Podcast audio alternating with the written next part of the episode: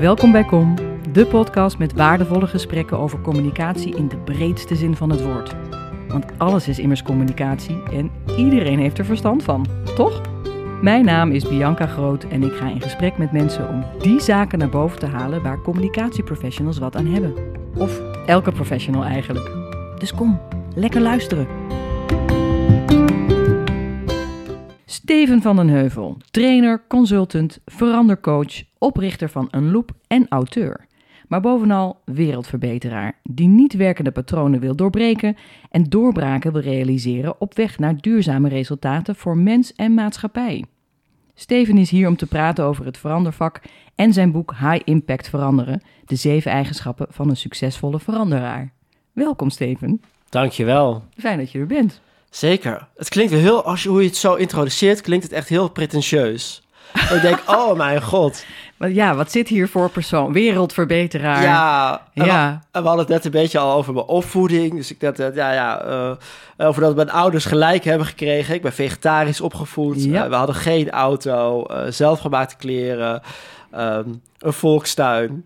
Dus het is eigenlijk al heel jong ingedouwd bij je. Ja, Zorgen voor die wereld. zorgen voor die wereld. Hoge idealen inderdaad, grote idealen, ja. En is het uitgekomen? Nou, dat was best wel een zoektocht, moet ik zeggen. Ik, ehm kleine anekdote, ik eh, deed een opdracht voor een eh, groot bank. Ik zal de naam eh, niet, eh, niet noemen. Ehm, die bank moest eh, terug eh, naar de beurs. Dan krijg je al misschien een beetje een idee. Mhm. Mhm. En, ehm, en ik begeleidde daar eh, teams en later begeleid ik daar eh, managers. En op een gegeven moment werd ik gevraagd of ik daar zelf manager wilde worden. Mhm. En toen dacht ik, ja, maar dat kan ik aan mijn ouders ook echt, echt niet vertellen. Oh, echt? Bovendien wilde ik het ook niet, maar... eh, Want wat zou er dan gebeuren? Hmm. Nou ja, kijk, aan mijn linkse ouders gaan vertellen dat ik op de Zuidas voor een grootbank gaat werken. Dan dacht ik, ja, dat, dat, dat, dat, dat kan niet gewoon. Dat, dat, Dit dan denken ze echt van, van is, dit, on- is dit onze zoon? Overloper. Overloper. Mm. Hebben wij die jongen zo opgevoed? Hm. Dus je hebt nee gezegd. Ik heb nee gezegd. Oh, wauw. Ja.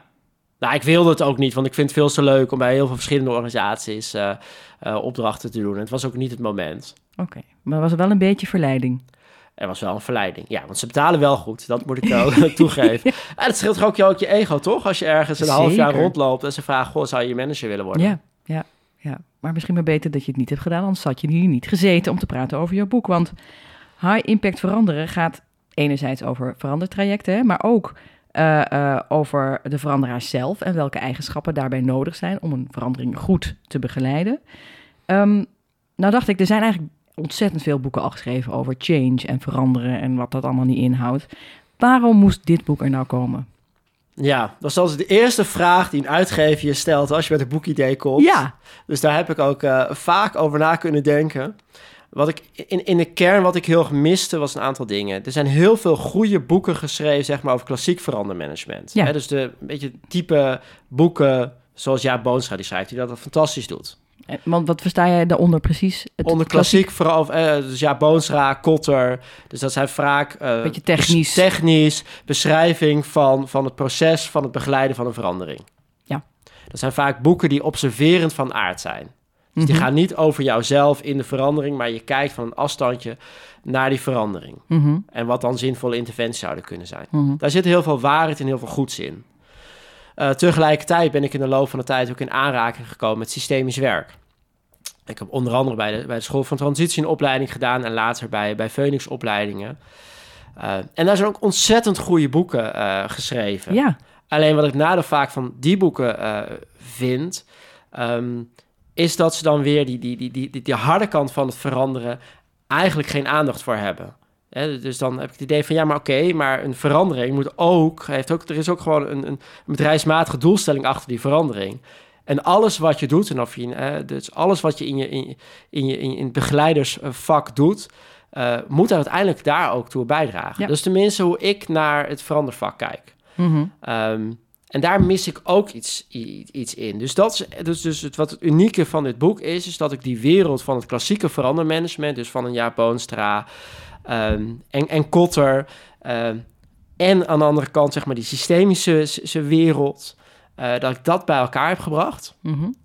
Waar dus, dus mensen die aan de ene kant opgeleid zijn... en die systemische kant denken van... oké, maar dit maakt ook heel praktisch, zeg maar, naar de bedrijfsmatige kant. En andersom, mensen die zeg, opgeleid zijn in klassiek verandermanagement... eigenlijk verleid worden om ook op een andere manier te gaan, gaan kijken... naar de veranderingen die ze begeleiden. Mhm. Dus dat is het ene element. En het andere wat dit boek eh, uniek maakt, is dat het enerzijds gaat over de verandering. Dus dat is de eerste helft van het, van het boek, waar je inderdaad observeert.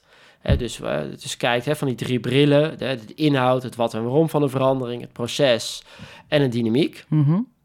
En die dynamiek is direct ook dus de, eigenlijk het scharnierpunt naar het tweede deel van het boek, waar we het hebben over die zeven eigenschappen. En die zeven eigenschappen zijn echt een middel voor reflectie op jezelf. Voor de veranderaar zelf. Voor de verandering, veranderaar zelf. Dat Mhm. gaat over jou als veranderaar.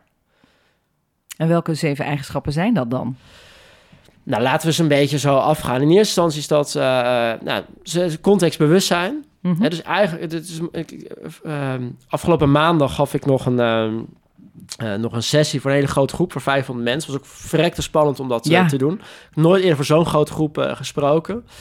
En, en de oefening die ik dan vaak doe, is heet... In welke wereld ben ik beland? Oké. Dus ergens als jij een opdracht gaat doen bij, bij, bij, bij een nieuwe organisatie... Ja, dan beland je in een wereld die je niet kent. Mhm. En, en, jij hebt, en, en binnen die wereld heb je een opdracht.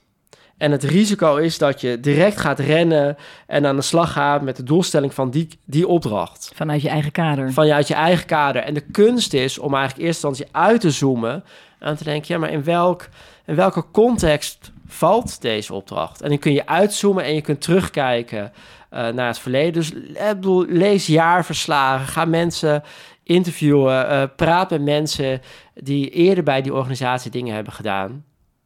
Want uiteindelijk die verandering waar jij voor aan de lat staat, jij maakt onderdeel uit van een veel grotere verandering, een veel grotere beweging. En er is al zoveel gebeurd voordat jij op het toneel komt. Nou, en ik neem dan met die oefening van in welke wereld ben ik beland, eh, neem ik daar mensen in mee. En dan vraag ik mensen van, goh, stel je nou voor dat die, eh, stel je voor dat die organisatie een land is. Wat voor land is het dan? Wat is de taal die ze spreken? Ehm, wat zijn mooie gebeurtenissen geweest uit het verleden? Wat is ook pijnlijk geweest?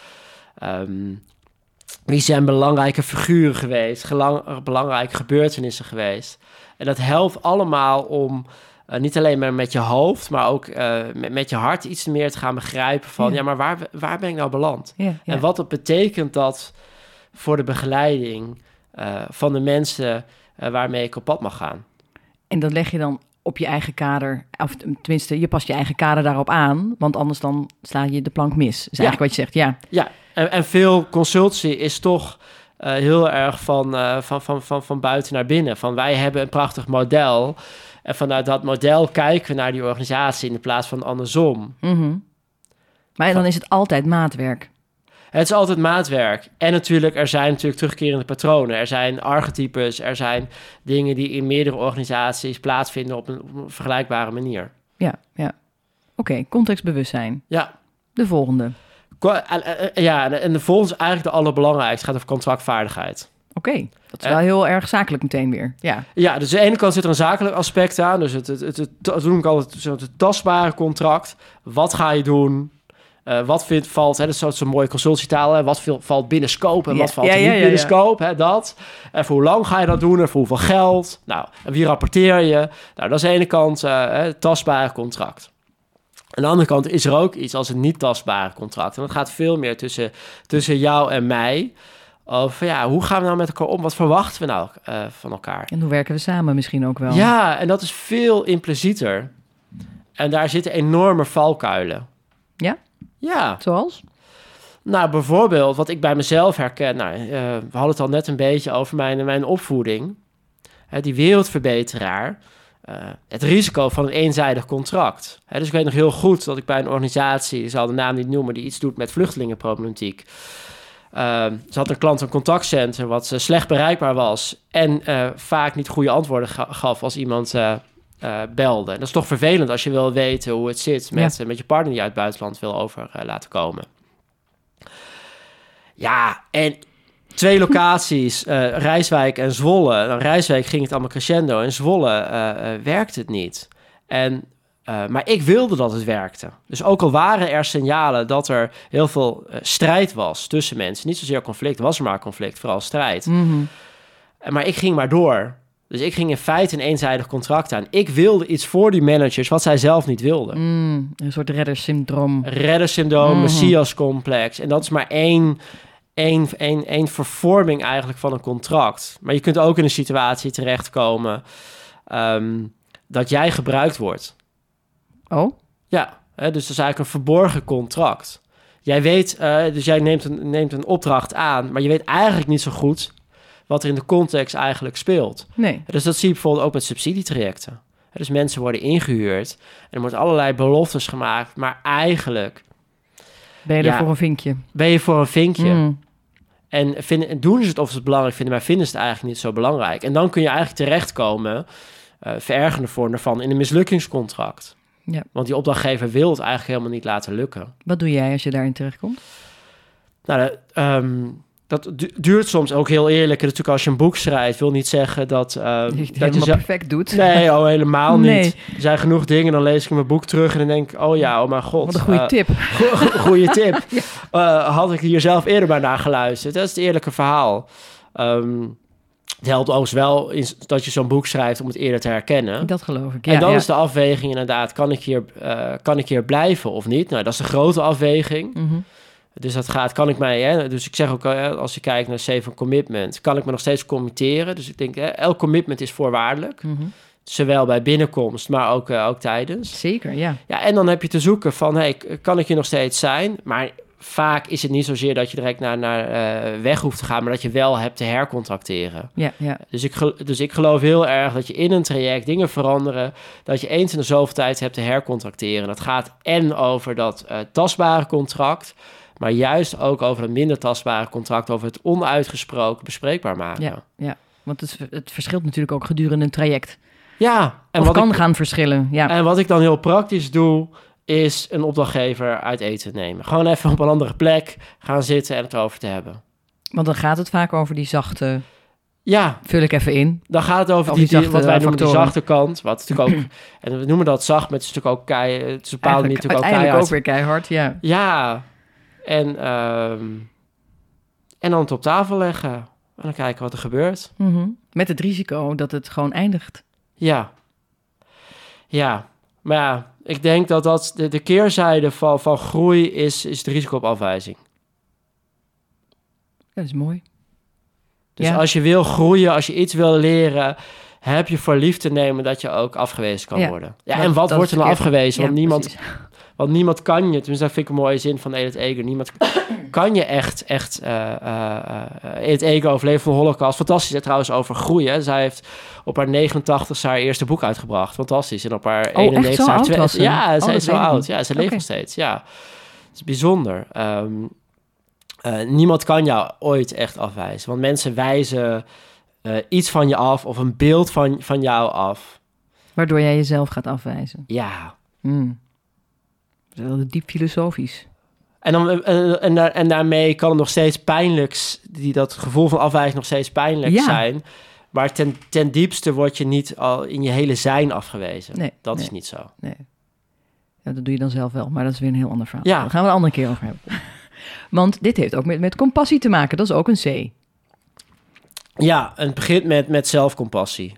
Dus dus eh, heel vaak verwijten we dingen van, van anderen.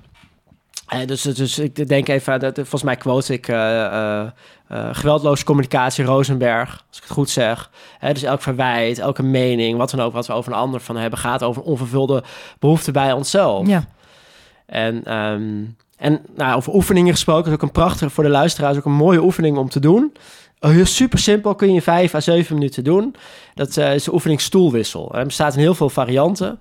Ehm, en ik doe hem ook, was ook over maandag gesproken. Ik heb hem ook eens met een hele grote zaal van 500 mensen Dat gedaan. gaat ook.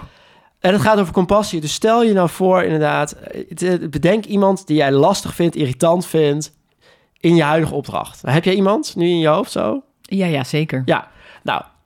En eh, dan zeg ik vervolgens tegen nou, eh, je zit nu op een stoel, ga eens even op een andere stoel zitten. En nu ben jij die persoon geworden. Dus ga ook lekker zitten zoals die persoon, praat even zoals die persoon. Mhm. Nou, En dan vervolgens vraag ik, aan, eh, vraag ik aan je van... ga maar weer terugzitten op je eigen stoel. En dan stel ik de vraag van... hé, hey, als je nou naar die ander kijkt... waar kan je eigenlijk meer compassie voor hebben? Hmm. Maar ook van waar kan je nou meer compassie bij jezelf voor hebben? Want, hè, want wat ik net zei inderdaad over, over Rosenberg... ja, wat we verwijten, de mening die we over die ander, van, eh, over die ander hebben... gaat ook over onvulde behoefte bij onszelf. Ja. En door letterlijk van plaats te wisselen, probeer je een andere kijk op die ander te creëren, zeg maar. Waardoor je beter kan voelen, oh, zo. Zo, Ja. zit, het, zo zit het misschien voor hem of haar. Ja, en dat, en dat wil niet zeggen dat daarmee die, die, die, die irritatie over die ander Nee. verdwijnt of zo. Maar je begrijpt in ieder geval iets beter waar het over gaat. En je kunt er vervolgens ook iets, iets, iets mee. Omdat je ook iets ziet over van ja, maar zo kijkt die ander naar, naar, naar mij. En ik heb ook een, een aandeel in eh, dat onze gesprekken zo gaan zoals ze gaan. Ja. ja. Dus als ik- Ja, zelf. Ja, ja, ja. Ja, dus doordat ik zelf iets anders doe, eh, gebeurt er ook iets anders bij de ander. Ja, ja. Daar kun je heel makkelijk mee spelen eigenlijk Ja. ook, hè? Ja, ja. Je, je had het net al even over strijd en conflict. Wat is het verschil eigenlijk? Zie jij daar verschil in, strijd en conflict? Ja, ik ben daar geïnspireerd onder andere door het werk van, eh, van Jacob van Wielink. En, en, en, en de mensen eh, waar de schouders waar hij op, op, op staat. En wat van ik hem heel geleerd heb, inderdaad, het verschil tussen die twee. Ehm, en waar strijd in de kern eigenlijk gaat over, ehm, over dat, dat je in het hier en nu eh, niet geheel de wonden aan het uitvechten bent. Dus simpel gezegd, wij ontmoeten elkaar nu en in onze ontmoeting, impliciet ontmoet ik ook jouw papa en mama en jij ontmoet mijn papa en mama. Mhm. En, eh, en het kan zijn dat, dat, ik- dat ik ergens ontzettend geïrriteerd over raak. En dan de vraag gaan, gaat het nou over het hier en nu? Hmm. Of raak ik nou geïrriteerd door, eh, door, eh, over iets, over het toen en daar? Hè, dus jij zegt iets en voor mij komt het ontzettend belerend over. Nou, en dat gaat misschien wel over mijn relatie met mijn moeder, over, over hoe ze eh, dingen allemaal voorschreef en voor mijn gevoel mij te weinig ruimte liet. Wat niks te maken heeft met die persoon die op dat Nee, moment tegenover jou zit. Precies. Ja, of in ieder geval, eh, ik bedoel, je komt misschien al een beetje belerend over, maar het verhaal wat ik ervan maak, Ja, ja. Dat is eigenlijk de trance waar ik in kom en waar ik vanuit ga reageren. Dat gaat over toen en daar. Hmm. En dat wil je niet, maar dat conflict is een van de C's in jouw boek. Ja, Dat is wel iets wat je Precies. kunt gebruiken. ja, dus ik wil het wel hebben over hoe werken we nou met elkaar samen Mhm, en wanneer voel ik mij gekleineerd. mhm. Maar ik, ik wil, ik wil, wil kunnen herkennen wat gaat werkelijk over het hier en nu en wat gaat over het toen en daar. Hoe doe je dat dan? Hoe doe je dat dan? En, eh, ehm, ten, ten eerste denk ik gewoon dat noemen een beetje psycho-educatie. Dus gewoon weten hoe dat werkt. Dat dat helpt. Dus weten wat triggers eh, zijn en dat je triggers hebt. Hmm. En eh, een van de oefeningen die ook in het boek staat, is het teken van je levenslijn. Dus als je iets weet over waar kom ik vandaan, wat zijn belangrijke gebeurtenissen geweest in mijn, mijn, in mijn, in mijn leven, wat zijn patronen, hoe herken ik die dan, dan, dan, dan ga je dat soort situaties eerder herkennen. Ja, ja. Het is heel praktisch. Ik had een leidinggevende waar ik fantastisch mee kon samenwerken. En toch op het moment dat hij mij belde, dacht ik dat ik iets verkeerd had gedaan. Ja, ja. Ja, ja. Ja, en dat, gaat- heel veel over jou. Ja. En dat gaat over het toen en daar. Ja. En dat gaat niet over het hier en nu. En toen ik dat herkende, nam ik mij voor... op het moment dat hij mij weer belt... haal ik diep adem... en zeg ik tegen mezelf... ik ben nieuwsgierig wat hij me te zeggen heeft. ja. En dat hielp me. Hielp me dat altijd? Nee, want er waren natuurlijk ook nog steeds situaties... dat ik me eh, getriggerd werd. Hardnekkig. Ja. Het is hardnekkig. Hè? Dus, dus dat is belangrijk als het gaat over patronen. En ik denk, hè, dus ik vond het heel mooi in het voorwoord. Zei ja, Steven wil eh, eh, eh, tijdens de intro zei hè, eh, eh, een bedrijf wat eh, de eh, patronen wil doorbreken. Ja, dat is misschien heel pretentieus, want patronen doorbreken, dat gaat eigenlijk niet zozeer. Hmm. Het is patronen herkennen.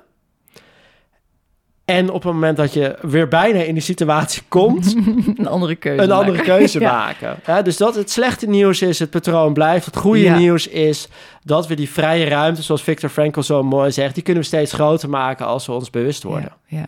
Maar het heeft ook met erkennen te maken. Ja? En bereid zijn om daarnaar te durven kijken, überhaupt. ja, ik ben een jonge, opgegroeid in een gezin met weinig geld. En van daaruit heb ik gezegd, dat gaat mij niet gebeuren. Uh, en van daaruit is een enorme prestatiedrang gekomen. Hè? Dus uh, die zeven eigenschappen is natuurlijk ook een kwinkslag naar, naar Stephen Covey, het eerste managementboek wat ik ja, las. Ja. En toen dacht ik, nou, wat hij kan, dat kan ik ook. Ik wil ook, uh, als ik later groot ben, als ik later groot ben, heb ik ook mijn eigen managementboek. En tada. En tada. Dus uh, ja, die prestatiedrang heeft me uh, heel veel gebracht. En het heeft me ook heel veel dingen gekost. Dat is het eerlijk verhaal ook. Wat heeft het je gekost? Vaak verbinding. Dus het zit, zit het, soms te veel, te veel werken, te lang doorgaan. Um, maar dat is denk ik het makkelijke verhaal. Ik werkte in een, bij een consultiebureau. Um, een heel best wel competitieve cultuur. En ik merk dat ik dan in werkoverleggen mezelf veel beter voordoen, uh, ging mm. voordoen dan ik ben. Mezelf overschreeuwde, anderen overschreeuwde. Precies, en dan doodmoed thuis kwam. En ook al nam ik het voor om het anders doen, gebeurde dat dan toch. Ja. Uh, dus dat heeft hem onder andere gekost. En dat zorgt ervoor dat je dan niet echt een verbinding hebt met collega's. Um, wat, en, wat heeft er dan voor gezorgd dat je daaruit kwam? Ergens, ik denk, ik ben, ben, ben nu 40. Ik was denk ik een jaar of 3, 34 dat ik merkte van ja, ik, ik, ik heb uh, uh, projectmanagementopleiding gedaan. Ik heb al die lean certificering gedaan. Ik heb al die agile gedaan. Ik volg, Sigma, geef allemaal, precies, ik geef ja. allemaal trainingen. Ik weet heel veel en ik kom mezelf zo vaak tegen. Mm. En toen ben ik met mezelf aan de slag gegaan. En dat wierp een ander licht op de zaak. Dat wierp een ander licht, uh, uh, precies. Dus, dat, uh, dus toen heb ik bij de School voor Transitie een coachopleiding gevolgd. Maar ik later ook nog andere mensen laten coachen, bij Phoenix dingen gedaan. Dat heeft me heel veel gebracht. -hmm. En dat is ook een ongoing proces, het kijken naar jezelf en wat het doet ja, ja, dus ik vind het altijd heel mooi met je zijstapje. Heel vaak praten we over de weerstand. Hè? Dus ik begeleid een verandering in een organisatie en zij hebben weerstand. Er is veel weerstand, ja. Ja, ja, ja, dan denk ik altijd, dan ben ik altijd heel benieuwd van, goh, maar welke weerstand roep je? Dus weerstand is tegenkracht. dus welke weerstand roep jij bij anderen op? Dus als jij een verandering gaat begeleiden. En dan hoeft al iets heel eenvoudigs te zijn als we gaan met een ander softwarepakket werken. Jij zegt tegen mensen: Ik begrijp helemaal dat het voor jullie lastig is. Maar weet je, over een paar maanden. Hè, dan zijn jullie al helemaal vergeten dat jullie met een nieuw pakket werken. En echt, dit pakket, joh, heel veel klanten werken ermee. En het gaat, echt, uh, het gaat er echt voor zorgen dat jullie slimmer en efficiënter kunnen werken. Dus doe nou maar. Dus doe nou maar. Dan ga je helemaal natuurlijk voorbij aan wie die ander is. Mm -hmm. In plaats van. Uh, nou, misschien wat je veel beter zou kunnen doen, is gewoon met die mensen in een veel gesprek gaan voeren. En eens gaan eens vragen wie ze zijn. Wat ze doen, waarom ze hier werken. En, en, en, maar dat heeft toch niets met dat softwarepakket te maken? Ja, en, en, en jawel. Zeg ik grappend, hè? Maar dat, ja. is, dat is wel wat je terug kan krijgen van opdrachtgevers, hè, dit? Uh, uh, ja, kan. Kan. En ja. dan? Uh, ja, het, het, het, kost meer tijd in, in beginsel. Maar ja, uiteindelijk gaat het er wel voor zorgen... is dat je echt verbinding maakt. En dan kan wordt het stuk, de, de, stuk, de kans een stuk groter... Uh, dat mensen meegaan of dat je tot conclusie komt van... want ik zou ook zeggen, ja, laat, laat die mensen ook vooral vertellen... hoe ze nu werken, waar ze tegenaan lopen. Mm -hmm. Want misschien kom je heel eerlijk ook wel tot de conclusie... Uh, dat je wel heel goed begrijpt uh, dat die mensen niet zo niet zo blij zijn. Omdat dat het dit softwarepakket helemaal niet moet zijn. Dat het iets nee. anders moet zijn. Nee, dat. Kan ook nog, ja. ja. Even terug naar jouw C's, want we zijn er bijna doorheen. Uh, ja. Creatievaardigheid heb je ook nog. Ja, ja dat is een beetje... Uh, um, er worden heel veel boeken over storytelling geschreven. Ja. Fantastisch. Wordt er heel vaak om gevraagd, hè? Omdat, ja, ja, precies. Met het idee van uh, een goed verhaal zet mensen in beweging. En daar zit ook wel een kern van waarheid in. Mm -hmm. Maar de reden dat uiteindelijk mensen meegaan in een verandering, of een van de redenen waarom mensen meegaan in een verandering, is omdat het hen zelf, hun collega's, hun klanten iets oplevert. En niet eenmalig, maar structureel. Ja. Daarom ga ik mee. Ik zie dat het zin heeft, dat het nut heeft. Um, dus creatievaardigheid is heel belangrijk. Want wat versta je daar precies onder? Creatievaardigheid gaat over de vaardigheid dat je in staat bent dat er werkelijk dingen worden opgeleverd. Dat er werkelijk in de, in de, in, in de werkelijkheid dingen veranderen. Op in, in het, het werk zoals mensen het doen, ja. bijvoorbeeld. Precies, dus stel je voor, we hebben het over die software-implementatie, dat werkelijk die software geïmplementeerd wordt, dat is één ding. Mm -hmm. Maar twee, inderdaad, dat dat zorgt voor een andere manier van werken. En dat we zien dat, die, dat, dat medewerkers dat fijner gaan vinden en uh, dat klanten daar plezier aan beleven. Ja. Hè, dus we kunnen heel veel praten over verandering, maar het gaat er uiteindelijk over Doen. daadwerkelijk ook doen. Ja, ja. En wat je vaak eh, eh, ziet, en dat, dat is een beetje de kwinkslag die ik in dat hoofdstuk heb, is dat het vooral in eerste instantie gaat over meer. En ik wil mensen in eerste instantie uitdagen, maar eh, misschien moet je eerst kijken naar minder. Dus een van de makkelijkste dingen die je kunt doen, die tegelijkertijd heel moeilijk is, om te stoppen met dingen die niet werken. Ja, dus, eh, eh, zoals het leuk is, een hele boeken geschreven over portfolio management bijvoorbeeld. ja, Over ja. en over agile portfolio management en noem maar op. En er zijn allemaal prachtige formules over hoe je dan verschillende initiatieven ten opzichte van elkaar kunt ranken. Allemaal prachtig en leuk en aardig. Mhm. Maar in de kern is portfolio management niet zoveel anders dan het begeleiden van, van conflict. Ja. Nou, en heel vaak worden er geen keuzes gemaakt, waardoor we allemaal projecten doen die zinloos zijn. Dus ga nou in eerste instantie kijken met welke dingen moeten we nou stoppen. Want wat maakt, nou zo moeilijk, wat maakt het nou zo moeilijk om te stoppen met dingen? Waarom hangen we aan, aan het doorgaan? Omdat het nou eenmaal afgesproken is, omdat we er eenmaal geld aan besteden, eh, besteed hebben, omdat we dan daar een moeilijk gesprek over moeten vo- eh, voeren. En dan is alles tot nu toe voor niks geweest. Een beetje dat? Ja, want, Hmm. want, want onze brein haat, haat, haat, haat, haat pijn Mhm. en de stoppen is pijnlijk. Ja.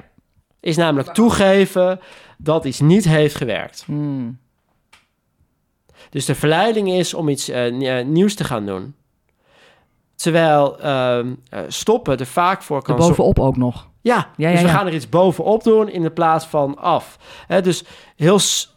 Ik, ik, ooit deed ik bij een verzekeraar een, een, een opdracht, gaf ik daar een workshop. Ze hadden heel veel klanten verloren. Ze hadden 20% van de klanten verloren. En, eh, eh, en toen vroeg ik in die sessie, waren we ongeveer met 40 mensen... en toen vroeg ik aan, wat moeten jullie doen om ervoor te zorgen... dat jullie 100% van jullie klanten eh, verliezen? en dat zei ik dan met zo'n grap, weet je wel. Ja, ja. Hier ze lachen. En vervolgens zet ik een muziekje op. Ik zeg, hup, we hadden allemaal flip-overs, whiteboards... en ga die posters maar plakken. En vervolgens heb ik ze gevraagd van ja... en van de dingen die jullie allemaal hebben genoemd... wat doen jullie daar al van? En dat heb ik ze laten ranken. En vervolgens zijn we in deelgroepjes ja, eh, uit elkaar gaan... en hebben we de dialoog gehad over... ja, en hoe kun je ervoor zorgen dat dat nooit meer voorkomt? Ja, ja. Dus dat gaat vaak over hele simpele dingen. Namelijk bijvoorbeeld... Juist over simpele dingen. het gaat Ja, ja. juist over simpele dingen. Wat, wat, wat is dan toch de reden dat daar bij organisaties altijd iemand van buitenaf bij moet worden getrokken om dat inzichtelijk te krijgen? Ik ben er zelf ook een van, hè? maar goed, Ja. ik vind het altijd wel een, een, een grappige vraag. Nou ja, ik, denk een van de redenen eh, eh, zit... eh, ehm, dat, dat zit ergens in, in, in, in dat, dat we het van een, van een externe dan blijkbaar wel aannemen. Ja, En dat, dat zit er denk ik ook in dat ja, het ergste wat kan gebeuren als externe... is, is dat je eruit gezet wordt. ja. Maar ja, lost. als je goed contracteert... dat zeg ik ook altijd bij... ja, als je mij inhuurt, dan stel ik soms ook vervelende vragen. Mhm. Hoe is dat voor je? Ja, dat krijg je erbij. Dan moet je wel ja tegen erbij. Hoe zeggen. vind je? Dan zegt ze, hoe bedoel je dat dan? Nou, dan geef ik een voorbeeld van een andere opdracht. En dan zegt iemand, nou ja, dat, dat voelt nog best oké. Nou, Ja, goede ingang. dus zo.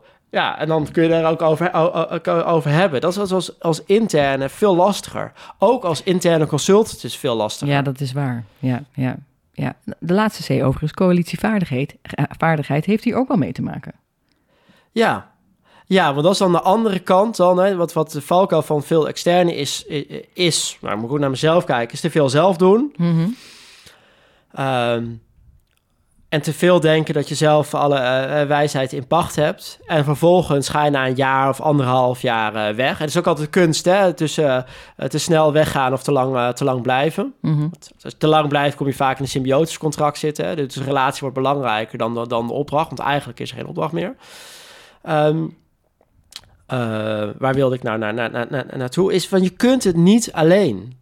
Dus, dus, dus de overdracht van een opdracht begint niet in de laatste maand van je opdracht. Nee, begint in de eerste maand van je opdracht.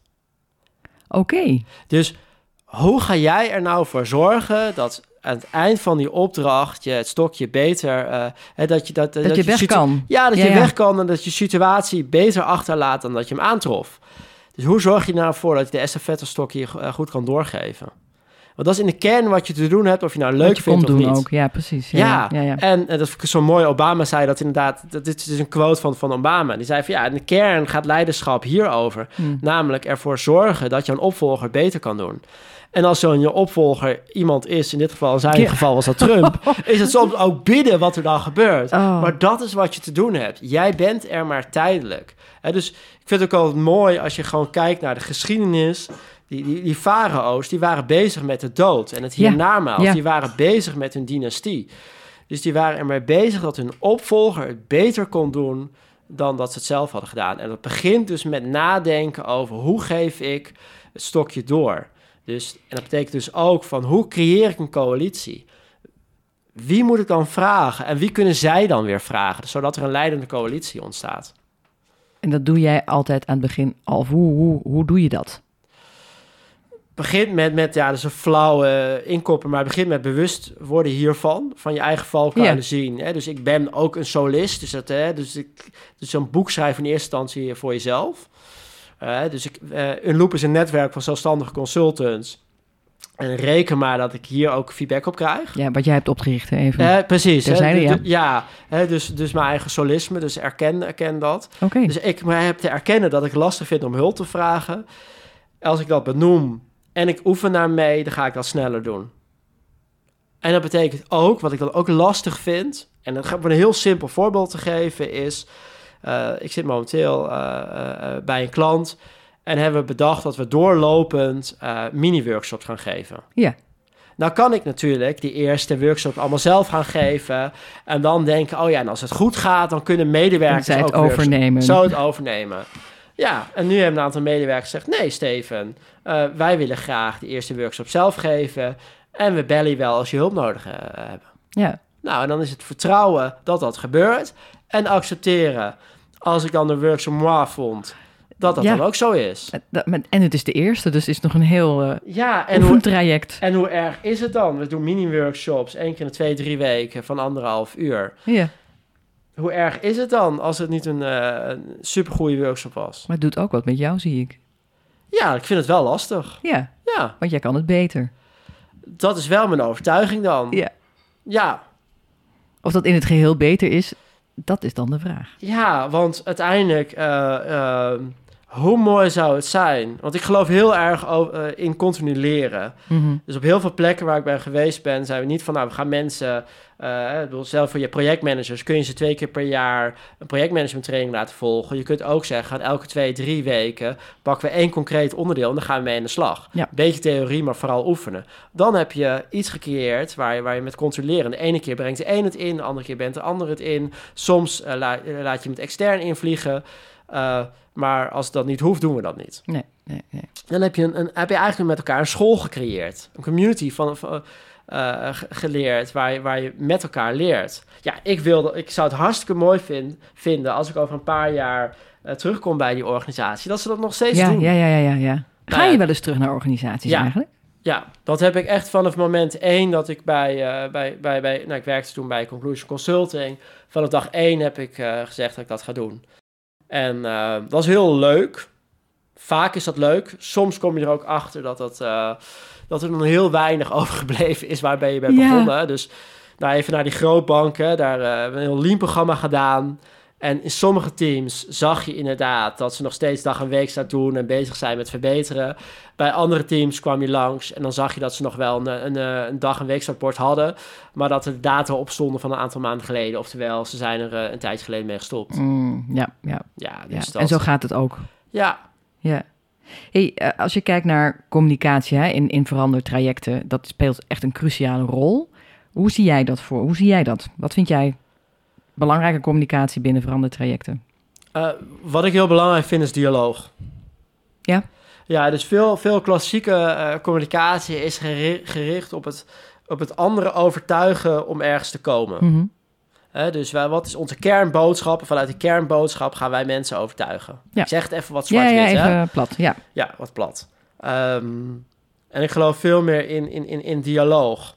En dialoog klinkt altijd heel soft. Ehm, en dat is denk ik een misvatting. Dialoog is voor mij ook is, is heel eerlijk vertellen aan mensen... dit gaat er veranderen en hier heb je geen inspraak meer in. Ja. Daar ook helder in zijn. En daar heel helder in zijn. En hier is onderhandelingsruimte over. En daar hebben we een proces voor. En dat proces ziet er als volgt Zo uit. Ja, ja. En dan dialoog is verschil tussen een discussie. In discussie ga, ga jij mij overtuigen en ik je overtuigen. In dialoog eh, eh, erkennen we dat we allebei maar een deel van de olifant zien. En gaan met elkaar leren om zo eh, meer te weten. Omdat we zo komen tot een betere aanpak. En welke tips zou je meegeven aan communicatieafdelingen... waarmee je meteen kunt beginnen in verandertrajecten... om het anders te doen dan wat je normaal ziet inderdaad. Hè? Ja. We, we gooien wat die organisatie in en dan zien we wel. Ja, nou, tip 1 is dus, dus ehm, zorg ervoor dat het heel duidelijk is waarom eh, gaan we veranderen. En dan niet zo zeg maar van hè, we moeten beter samenwerken, kwaliteit verbeteren. Dat is allemaal vaag. Maar wat is nou het prestatieprobleem? Hè, dus stel je voor je hebt een zorginstelling.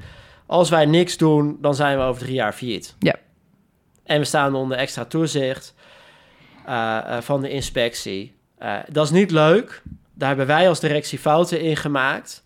Ehm, dus wij vragen jullie ook heel veel. Dat is ook heel ingewikkeld. En er staan ook een aantal dingen al vast. Die misschien ook niet allemaal leuk... Die, die, die voor door deur van de mensen misschien niet als prettig worden ervaren. Nee, nee. Eh, en we willen een aantal dingen met elkaar verkennen... waar we het antwoord ook niet op eh, weten. Ja. Dan heb je een eerlijke boodschap. Is dat belangrijk dat het eerlijk is? Ja, want mensen voelen dat... De, eh, eh, ehm, mensen voelen dat het niet klopt. En gaan ze dus niet bewegen. Nee, dus dan heb je weer ergens zo'n, ja, sorry dat ik het zeg, maar dan heb je weer ergens zo'n opgeleukt congres met ballonnen. Eh, ja, Met ballonnen, ja. ja, terwijl, terwijl het gewoon, ja, het is een ontzettend grote misvatting dat veranderen, eh, door veranderen kan ook leuk zijn, maar het is een grote misvatting dat veranderen altijd leuk is, helemaal niet. Hmm, Het kan ook gewoon hartstikke pijnlijk zijn. ja. En- even terug naar die zorginstelling. eh, die eh, het randje van de afgrond staat, onder inspectie sta- staat. ja, dat heeft een enorme impact al Ja. jarenlang op mensen. Nou, en dan zitten we ook nog met krap op de arbeidsmarkt. de urgentie is heel hoog. met heel veel ZZP'ers werken. Betekent dat we met heel veel interim managers werken. Zorgt ervoor, eh, dat zorgt alleen nog voor nog meer veel druk op die begroting. Mhm. Ja, ga dan niet een of andere happy clappy congres organiseren. Is, dat, is dat een hardnekkig ding wat je nog vaak tegenkomt? Dat het, dat het ingepakt wordt als, als leuk? Of alleen de positieve dingen? Of het lonkend perspectief en verder... Ja, praten we nergens dat over. verschrikkelijk. En dan allemaal en dan al die managementtaal erbij. Dat- Zoals? Waar heb je het meeste jeuk? eh, Waar krijg je het meeste jeuk van? Ah, dat is nog wel een dingetje. Ja, is Ja. een, het is nog wel een dingetje. Het is nog wel een dingetje. Ja, Nee, en eh, oh ja, ook wat ik ook verschrikkelijk vind, eh, fouten maken moet. Dat vind ik ook verschrikkelijk. Nee, fouten kunnen ontzettend pijnlijk zijn. ja. Ik bedoel, eh, eh, ik weet, eh, ik had laatst een, niet, niet wereldschokkend, maar ik heb mijn spat aan laten, laten lezen. Nou, ik ben heel blij dat ze dat goed hebben gedaan, anders had ik trombose gehad. Ja, Er is ja, 1% ja, ja. kans op, maar ik ben heel blij dat ze de protocollen goed volgen. Ja. Dus fouten zijn heel pijnlijk. Kunnen heel pijnlijk zijn. in dit geval helemaal. In dit geval helemaal. Eh, de kunst is alleen, en daar, daar gaat het hele onderzoek van Edmondson over. Hoe zorg je nou voor dat je een dynamiek creëert, dat je erover kunt hebben? Ja. Maar, dat zorgt er, maar dat gaat niet over, over de pijn heen stappen. Nee. Eh, dus dat is, wat ik, dat is vaak wel zie, is dat, dat in heel veel dingen eh eh, klok-klepel verhalen. Ja? Ja, dus fouten maken hoort, hoort erbij, maar fouten maken moet. Ja, dat is ook niks zeggend. Nee, is ook Nee. niet zeggen. Dus al die, mag Ja. wel wat context bij. ja, Hmm.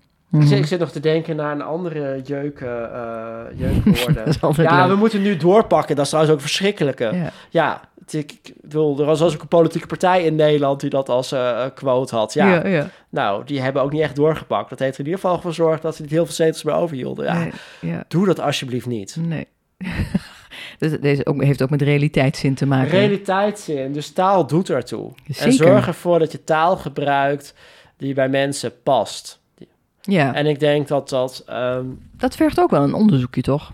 En praten met mensen, horen, goed observeren. Ja, en, en ook te zorgen dat je, eh, ehm, dat je, dat je met heel veel verschillende mensen omgaat. Om uit je eigen bubbel Om je eigen bubbel... te eh, stappen. Ja, en ik ben dan opgegroeid in, een- in een arm gezin en wij wonen in een, in een eenvoudige wijk. Ehm, Ehm, en mijn vader is een tijdje werkloos geweest. Dus, dus, dus wij kwamen. En, en, en wat ik van mijn vader echt geleerd heb, is van iedereen heeft een verhaal. Dus wij gingen in gesprek. Dat vind ik altijd heel mooi. Dus als Mm. hij een, een, een, een, een dakloze ontmoette op eh, Utrecht eh, Centraal, want zijn, eh, zijn, zijn moeder woonde in, in, in een dorpje bij, bij Utrecht. Dus wij kwamen daar vaak. Ja, Ja, dan gaven we geen geld, maar gingen we samen eten. En dan hadden we een Oh, gesprek. ja, Oh, en dat was altijd heel mooi. En dan, dan vertelde zo, zo, die, die dakloze, die vertelde dan ook zijn, zijn levensverhaal. En dan ehm, was het niet zozeer... Wat, wat, tuurlijk kun je vraagtekens stellen van wat is waar wat is niet waar. Maar mijn vader ging dan gewoon doorvragen, vertellen eens. En dat was dat heel mooi. En dan, dan zaten we in de trein terug, want wij reisden met openbaar vervoer. En dan zei mijn vader ook van ja, weet je wel... eh, eh, iedereen kan in zo'n situatie komen. En iedereen is een mens en verdient interesse en aandacht. En dat heeft mij heel erg gevormd. Ehm, dus dat je werkelijk oprecht geïnteresseerd eh, eh, bent en dat je probeert aan te sluiten. En dat is best wel ingewikkeld. Laatst in onze kerk hadden we een, een, een kerstdiner. En zat ook een vrouw uit Nigeria, en dat was nog niet zo lang in Nederland. En er was een man van in de 50 die ging met haar in gesprek. En zij was denk ik ergens in de 30 en ze was er met twee kinderen. En, en hij ging allemaal vragen stellen. Eh, ongeveer, eh, nou, ze moesten bijna haar hele vluchtverhaal eh, gaan. Ik, kruisverhoor. Oh, kruisverhoor, Ja. weet Mm. je wel. Dus het is ook aansluiten bij wat is de timing. Mhm. En, en, en, en, en, de, ehm, en de valkuil die we ook vaak zelf hebben in een dialoog, dat we vooral heel veel vragen moeten stellen. Ehm, maar ik denk dat het ook heel goed is om iets over onszelf te vertellen. Ja, Iets over zelf te vertellen, hoe doen wij dat nou eigenlijk met veranderingen? Eh, Ja, en misschien ook juist wel de dingen die schuren. Of waar je moeite mee hebt. Of hè, die je eng vindt. Ja, ja. Want ehm, hartstikke leuk en aardig dat je allemaal mensen vragen gaat stellen. Maar ja, als je niet iets over jezelf vertelt, Is ja. essentieel om te kunnen verbinden? ja, Hm. ja, ik denk dat dat heel essentieel is. Ja. Dus dat, eh, nou, het is een leuk experimentje, misschien ook voor de luisteraar, is als je, als je binnenkort in de trein eh, eh, zit. ehm, en weet ik veel, je ziet iemand een boek lezen of zo. Dan kun je iets misschien zeggen over dat boek. En, en misschien kun je vervolgens iets zeggen over een boek wat je zelf leest en wat je raakt. En misschien kom je dan op een heel, heel mooi gesprek, omdat die ander iets gaat vragen aan jou. Mhm, Dus durf je jezelf te laten zien. mhm. Of blijf je, eh, en dat is natuurlijk wat modellen en managementtaal doen, die houden mensen op afstand. Ja, per definitie? Nou, niet per definitie, ze kunnen ontzettend helpen, maar het risico is dat ze mensen op afstand houden. Want? Omdat je achter kunt verschuilen. Het, het, het model verklaart waarom dit en dit zou moeten doen. Dus vraag je niet door, ben je niet nieuwsgierig. Dat is wat je... Dat. Ja, ja, ja. Hey, je hebt een, een prachtig boek geschreven. Ehm, maar hoe blijf jij zelf bij? Wat lees je? Wat luister je? Wat kijk je? Ehm, wat ik de laatste tijd eh, eh, leer, is dat ontzettend, wat, mijzelf ontzettend verrijkt, is om andere. Ik heb, nou, misschien is het ook dat ook wel hoor. Ik heb voor dit boek eh, 50 tot 60 managementboeken gelezen. Oké. Dus ik heb ontzettend veel gelezen en ik merk dat ik het heel fijn vind om andere type boeken te lezen. En momenteel lees ik het Dat boek. echt over heel an- romans of zo. Wat bedoel je dan? Ja, ja, ja. Ja. En momenteel lees ik, eh, het is geen roman overigens, lees ik het boek eh, ehm, eh, Compassie van Karen Armstrong. Nou, ik heb een hoofdstuk geschreven over, over compassie. Ik moet bekennen dat ik haar boek daar niet in gebruikt Nee. heb. Eigenlijk heel stom. Ja. Heel veel andere boeken wel. Maar het is een prachtig boek. En het gaat over de, ehm, de kracht van verhalen. Oké. Toch over- storytelling. ja, wat we van verhalen leren. En over hoe verschillende religies eigenlijk allemaal ehm, eh, werken vanuit zeg maar, de, de, de, de, de gulden reden. Hè? Dus, dus behandel de ander zoals je zelf behandeld wil Mhm. worden. Dus, ehm, en getracht hebben in hun context om ervoor te zorgen dat die samenleving iets vre- vreedzamer werd. Ja. En dat is ook belangrijk. Dus, dus vaak wordt religie later, eh, eh, dus bijvoorbeeld de islam, in een later stadium, en het christendom, kijk, kijk nou even Ook, naar, ja. eh, bedoel, eh, eh, kijk nou even naar de kruisvaarders, later gebruikt waar het niet voor bedoeld is. Mhm. Dus eh, kun je dan, en mijn vader is theoloog, Ah, dus vandaar. dat, vandaar dus ook weer heel mooi. Dus, dus, dus, dus, dus, dus kun je dan ergens, dat vond ik heel mooi wat zij doen vanuit de context van toen. En wij waren natuurlijk niet bij. Kijk van wat, wat, wat, wat hebben die mensen toen get- get- get- getracht om in samenleving iets vreedzamer te maken. Ja, ja. En vind ik, het is een prachtig boek, heel mooi geschreven. Ehm, en wat ik heel mooi vind, ik heb een, ik heb een zoon van, van drie. En, die, en, die, en die, die houdt ervan dat ik hem voorlees. En het is zo ontzettend mooi, de, wat, wat de diepe betekenis eh, van, van kinderboeken. Dus veel kinderboeken zijn Ja. geschreven ook voor volwassenen. Er zit, er zit vaak een verborgen boodschap in voor volwassenen. En, en een boek wat ik, eh, eh, wat ik graag aan hem voorlees gaat over Boy. En het gaat over een jochie die alleen opgroeit met zijn vader. En die vindt dan een walvis. En die brengt hij mee naar huis en die doet dan in de badkuip. En het is een wonderlijk verhaal. Ja. En ergens tussen de regels komt die vader erachter dat zijn zoon eigenlijk eenzaam is. Hmm. Dus het gaat ook over eenzaamheid. En kun je dat dan herkennen? ja, ja. En wat doe je dan ermee? En hoe maak je dan als vader dan ook weer de verbinding met je zoon? Dus ik kan soms echt in, tranen geroerd zijn als ik zo'n boek dan voorlees aan mijn zoon. Ja. ik, oh ja, terwijl het dan 10, 12 pagina's is en er zo'n diepe boodschap in zit. Dus, eh, er is heel veel wat jou inspireert als ik jou zo zie praten. Het is echt ja, om dus, te dus zien. lees ook, dus, dus lees ook, ook, ook als, je, als je kinderen ook, ook, ook 10, 12 of 25 zijn, pak Ga voorlezen. Ga Ja, ja. voorlezen, pak een, eh, een, een kinderboek. En het is heel grappig, eh, als ik zijn naam goed zeg. Ik kreeg een boek van hem, van Michel de Ronde. Die heeft een boek geschreven over, of de Ronda, dat weet ik niet zeker. Eh het is vast iemand die me kan corrigeren. Zoek En die op. heeft een boek geschreven dus over de exegese van, van verhalen. Dus hij heeft onder andere ook eh, Kikker is Kikker. Hij Ja. heeft hij onder andere een hele analyse. Ik heb het boek nog niet gelezen, ik heb hem onlangs gekregen. Een hele exegese over dat boek geschreven. Wat goed. Uh, dus laat je alsjeblieft, zeker als je in, die, dat- in dat managementvak zit, lees mijn managementboek. Oh, Uh, doe dat. Ja. Maar, lees ook als je, uh, maar lees ook alsjeblieft, en heel veel andere goede managementboeken, maar lees ook alsjeblieft mooie romans. Of mooie biografieën. Of ik heb de laatste de biografie van, um, ja, hoe heet ze nou? Ze was uh, volgens mij met bev uh, bevriend. Uh, nou, oh, dat is zo jammer. Hoe heet die vrouw? Rond de Tweede Wereldoorlog. Prachtige biografie van haar geschreven. Uh, is, haar, is een aantal jaar geleden verschenen. Ze rookte. Weet je wie ik bedoel? Ja, ik geloof het wel, maar ik kom er ook niet op. Oh, dat is zo jammer. Zetten we in de show notes. Dan komen show zo, notes. komen we zo meteen wel op. Maar de strekking ervan was? Nou, de strekking van, het gaat over. Uh, um, zij is zelf uh, Joods en zij en een van een man waar zelf, zelf waar, die, waar ze die, die uh, waar ze op dezelfde universiteit zat, die ook haar docent was, waar ze verliefd op werd. Ik hoop dat ik het allemaal goed vertel ook hoor. Die was ook uh, gefascineerd door, door, door het nazisme en ook over en, en hoe ze daarmee omging. Mm -hmm. En ook hoe zat dat ergens vergoeilijk, of ver, tussen vergoeilijk en vergeving en die spanning daarin. Ja, prachtig. Heel mooi boek. En als we dan toch even teruggaan naar de managementboeken of, of verandermanagement. Welk, welk boek zou je dan aanraden, naast je eigen boek uiteraard, voor ons om te lezen? Dat moet je echt gelezen hebben. Sowieso de Bijbel. ja, dat is een mooi managementboek. Ja, sowieso ja. Bijbelverhalen. Daar zit zoveel in. En met name ook als je Bijbelverhalen... Ik, ik, ik, uh, ik heb nu zo'n podcast die ik luister... waar je in één jaar de Bijbel volgt. Oké. Okay. En sowieso is ik... Ik ben katholiek en als katholiek volg je eigenlijk in drie jaar tijd de Bijbel. Dus je hebt jaar A, B en C... en dan zo krijg je in drie jaar tijd de Bijbel mee. En als je dan vervolgens ook Bijbelcommentaren gaat lezen... dat is prachtig. Daar kun je ontzettend veel van leren. Oké. Okay. Goeie tip. Ja, en, en de Bijbel is...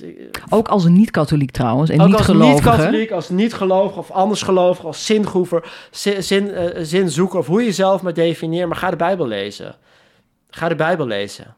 En de Koran en de Torah. En de, zeker, zeker, zeker. Maar natuurlijk onze, onze uh, ik zou zeggen, begin met de Bijbel, omdat die het meest dicht bij onze eigen cultuur staat. Ja. Want anders moet je nog, uh, Bijbel lezen is al heel moeilijk. Uh, bedoel, ga maar Leviticus lezen met al die wetten. Dan denk je, waar gaat dit over? Ja, ja, ja. Uh, dus daar heb je ook... Dus ik zou echt... Ga, ga, ga de Bijbel lezen uh, in combinatie met goed Bijbelcommentaar. Of ga een, of ga een mooie studie volgen. Dat is prachtig. Dan kun je ontzettend veel van leren over het leven, over jezelf, over organisaties.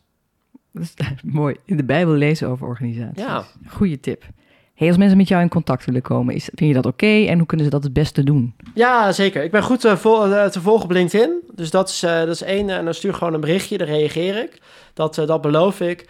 En het Mhm. tweede is, als je naar de website gaat, www.unloop.nl, dan... Met dubbel O. Dubbel O, ja, want het gaat over het doorbreken van, eh, van die loop. Ehm, op weg naar, eh, eh, naar duurzame verandering. Ehm, dan kun je gewoon een berichtje sturen of je kunt een afspraak maken. Daar zit ook zo- zo'n eh, zo- zo'n kalender in en dan kun je een afspraak maken. Ja, je wandelt ook hè, geregeld met, met mensen. Ja, ik heb, eh, ehm, nou, ik heb natuurlijk dat boek uitgegeven en ik dacht, ik vind het heel leuk om met lezers in gesprek te gaan. En ik wil graag het op een laagdrempelige manier doen, die niet al te ingewikkeld is. Nou, ik woon zelf in, in, Houten, dan heb je daar een beetje het landelijk gebied eromheen. Eh, nou, vijf minuten van mijn huis zit er een hartstikke leuke landgoedwinkel. En daar is een hartstikke leuke wandeling van 2, 2,5 eh, uur. En dan spreek ik met mensen af. En soms komen er 10 mensen, soms komen er 8 mensen, soms komen er 15 mensen.